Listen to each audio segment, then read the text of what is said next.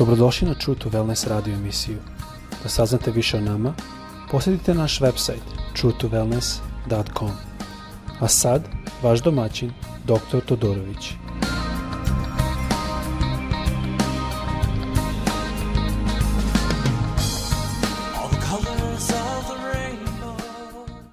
Ljubazni, dobrodošli u naš podcast. Ovo je sada četvrti deo gde gledamo na Petra – i koje lekcije možemo naučiti o Petru. Prvo smo gledali o Petru a, kako je hodao po vodi, kad je, sećate se situacije, kad je Isus dolazio ka njima na vodi i Petar, a, prvo su se svi uplašili, ali posle kad Isus rekao ja sam, a Petar je taj koji je ustao i rekao ako si ti daj mi da dođem k tebi po vodi i normalno on je hodao, ja verujem prilično dugo, pošto Isus bio prilično daleko i kad je počeo da tone, kad je bio blizu Hrista, on je počeo da tone i a, počeo gleda talase oko sebe i verovatno ti talasi nisu bili 23 cm, verovatno su to bili talasi od par metara.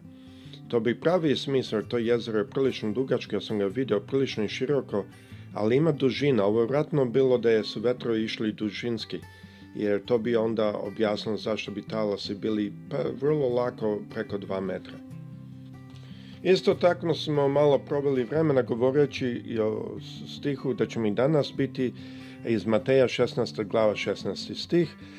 A tu se radi o tome da je Isus pitao i rekao, a šta vi kažete ko sam ja? I onda je Šimon Petar rekao, ti si Hrist, pomazanik, sin Boga živoga. I šta to tačno znači? Malo smo govorili o tome koliko je to bilo jako pred e, u jevrejskoj kulturi da se kaže sin Boga živoga. I oni nisu vidjeli e, Mesiju tako, oni su ga videli kao jednog vojvođu. Da, oni su znali da on sin Boži, ali su videli kao jednog vojvođu e, više u smislu kao Davida. To je jedan od razloga kad je su pitali Isusa da osjeti sin Boži, oni su, čim je on onako priznao da je, pošto on je, oni su odmah skočili da ga uh, ubije. Oni nisu bili spremni da prihvati, da prihvate vojvodu uh, Hrist, pogotovo sin žo, uh, živoga Boga. Um, to isto ima element da je ovo najdublje otkrivenje uh, ko je Hrist i vidimo da je to puno dublje nego što su jevreji očekivali. E sada želo bi da malo pogledamo na 18. stih, znači Matej 16. glava 18. stih kaže Ja ti ka kažem tebi, govori Isus, odgovara Petru, ti si Petar, stena na toj steni sagradit ću crkvu svoju i vrata paklena neće je nadvladati. Ovdje vidimo dva elementa koja su jako bitna da malo pripazimo. Jedno je da Isus govori Petru i kaže to je stena, njegova ispovest je ta stena i on će izgraditi svoju crkvu na tom razumevanju da je on Hrist, sin Boga živoga. I šta ona kaže?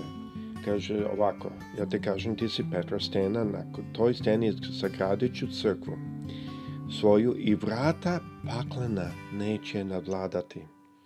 Ovde na grčkom kaže vrata od pakla ili Hades. Malo je dručije jer to specifično govori o jačini neprijateljske sile, ne samo pakao, nego cela neprijateljska sila. Ovde vidimo kada Isus to kaže, to pokazuje da je Isus Bog. To pokazuje da je Isus sin Božga živog, jer to drugi niko ne može da kaže. I on garantuje da sila smrti neće moći da savlada, niti da učuti niti da, da zaveže crkvu njegovu. On tu pokazuje da njegova žrtva i da ono što on radi ne, mo, ne može da bude zaustavljeno strane pakla. Ovde je sada, kad razmišljamo, to je prilično bitno. Zato što mnogi hrišćani, ja, ja zapažam, mnogi hrišćani ljube Boga, cene Boga i to je dobro, ali isto se jako plaše đavola. To nije dobro.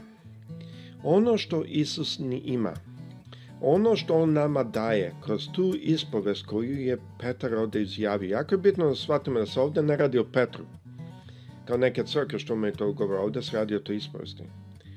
Ali on je rekao na tome će on sagraditi svoju crkvu i ta crkva neće nikako podvinuti, pasti ili potpasti pod silu tame. Tu vidimo da ta crkva je crkva koja pobeđuje.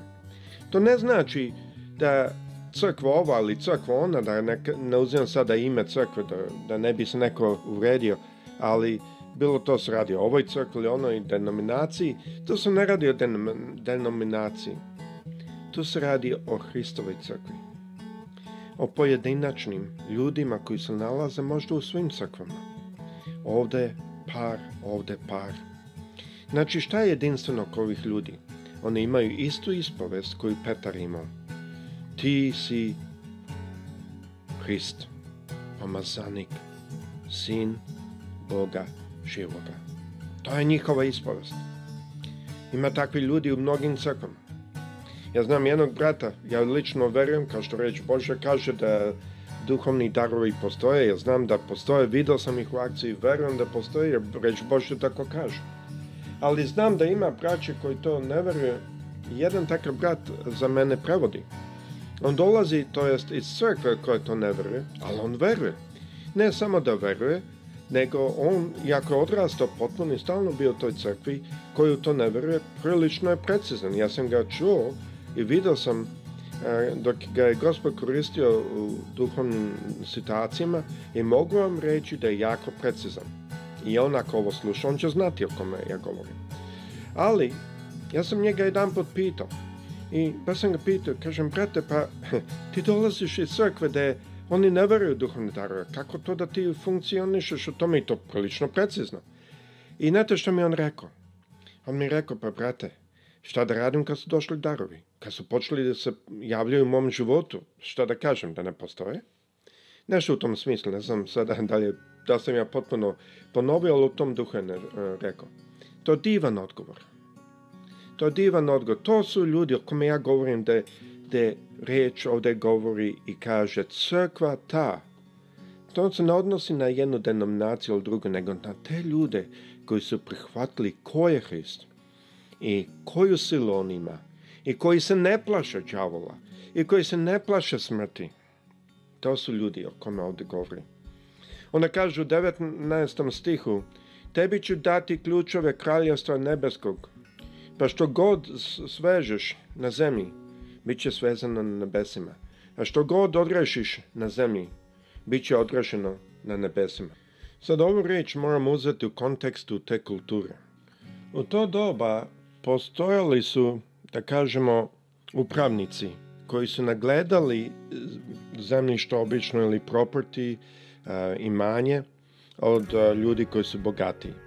I obično što bi bilo je, upravnik bi dobio ključeve tog imanja i taj upravnik bi odlučio, odlučio ko ulazi, ko dolazi, ko može da dođe, ko, kome je zabranjeno. Ali svakako to je bazirano na on, onoga koji je glavni gazde, a, kako pustvo gazda ostavi.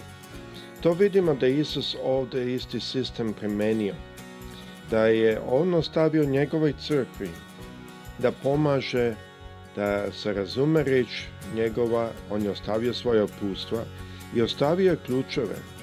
Kao što su ta, u to doba ostavljali upravnicima ključeve od a, imanja, Tako je Isus ostavio ključeve svoje crkvi od Carstva Nebeskog. Opet, ovo se ne odnosi na specifično o jednu denominaciju ili drugo. Ovo se više odnosi na njegovu crkvu i na ono što crkva, zašto crkva stoji i drži. Tako da je jako bitno kada gledamo ovu reč da je razumemo u smislu kome Isus ostavio to. Sad želim još podeliti par drugih stvari ovde. U stihu 21. i 22. vidimo da je e, ovde Isus počeo učenicima možda prvi put u evanđelju da, da jasno kaže da će on biti ubijen.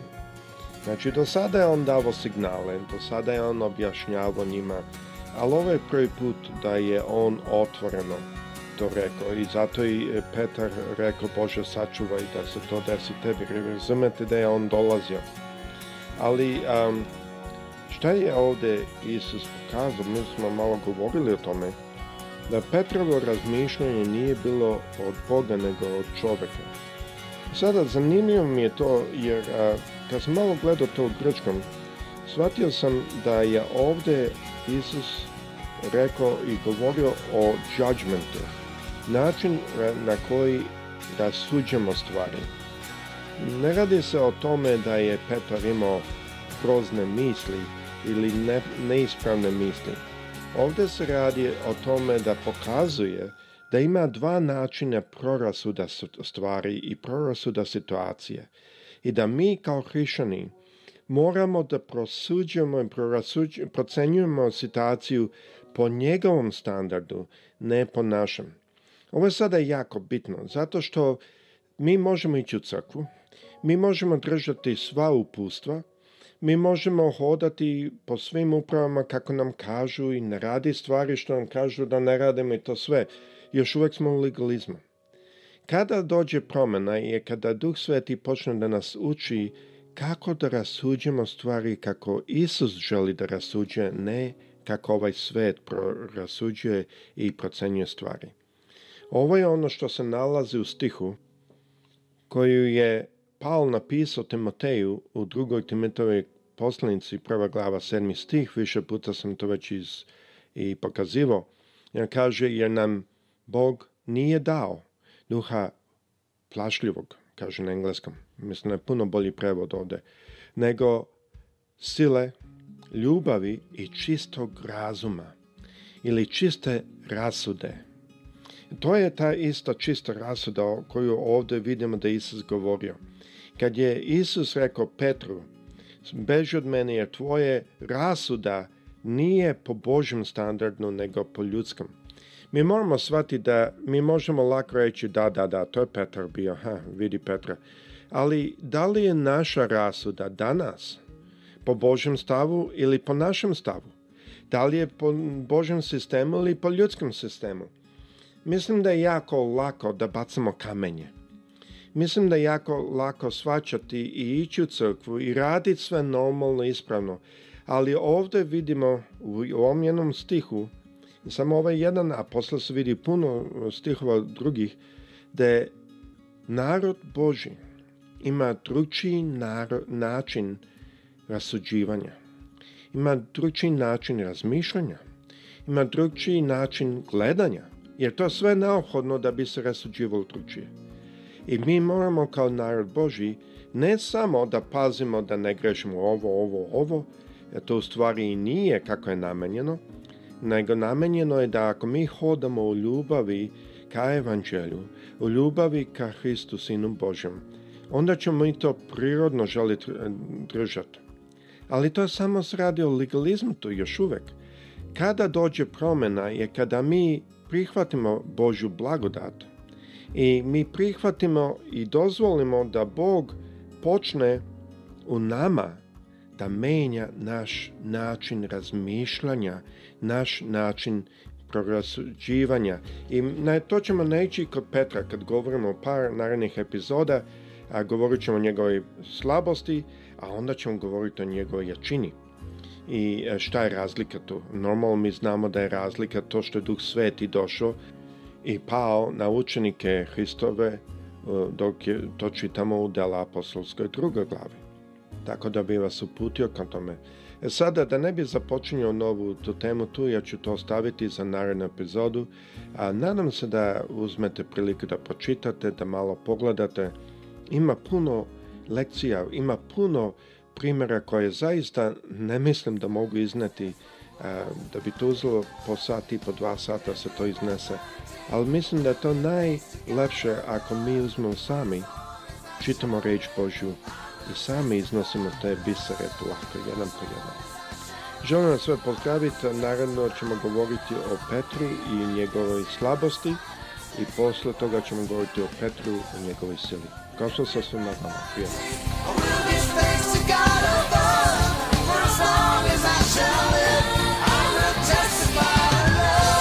Slušajte True to Wellness radio emisiju. Pridružite nam se ponovo svaki utorak, četvrtak i subotu. Za kontakt molimo posjetite naš website truetowellness.com. Naša e-mail adresa je info at truetowellness.com.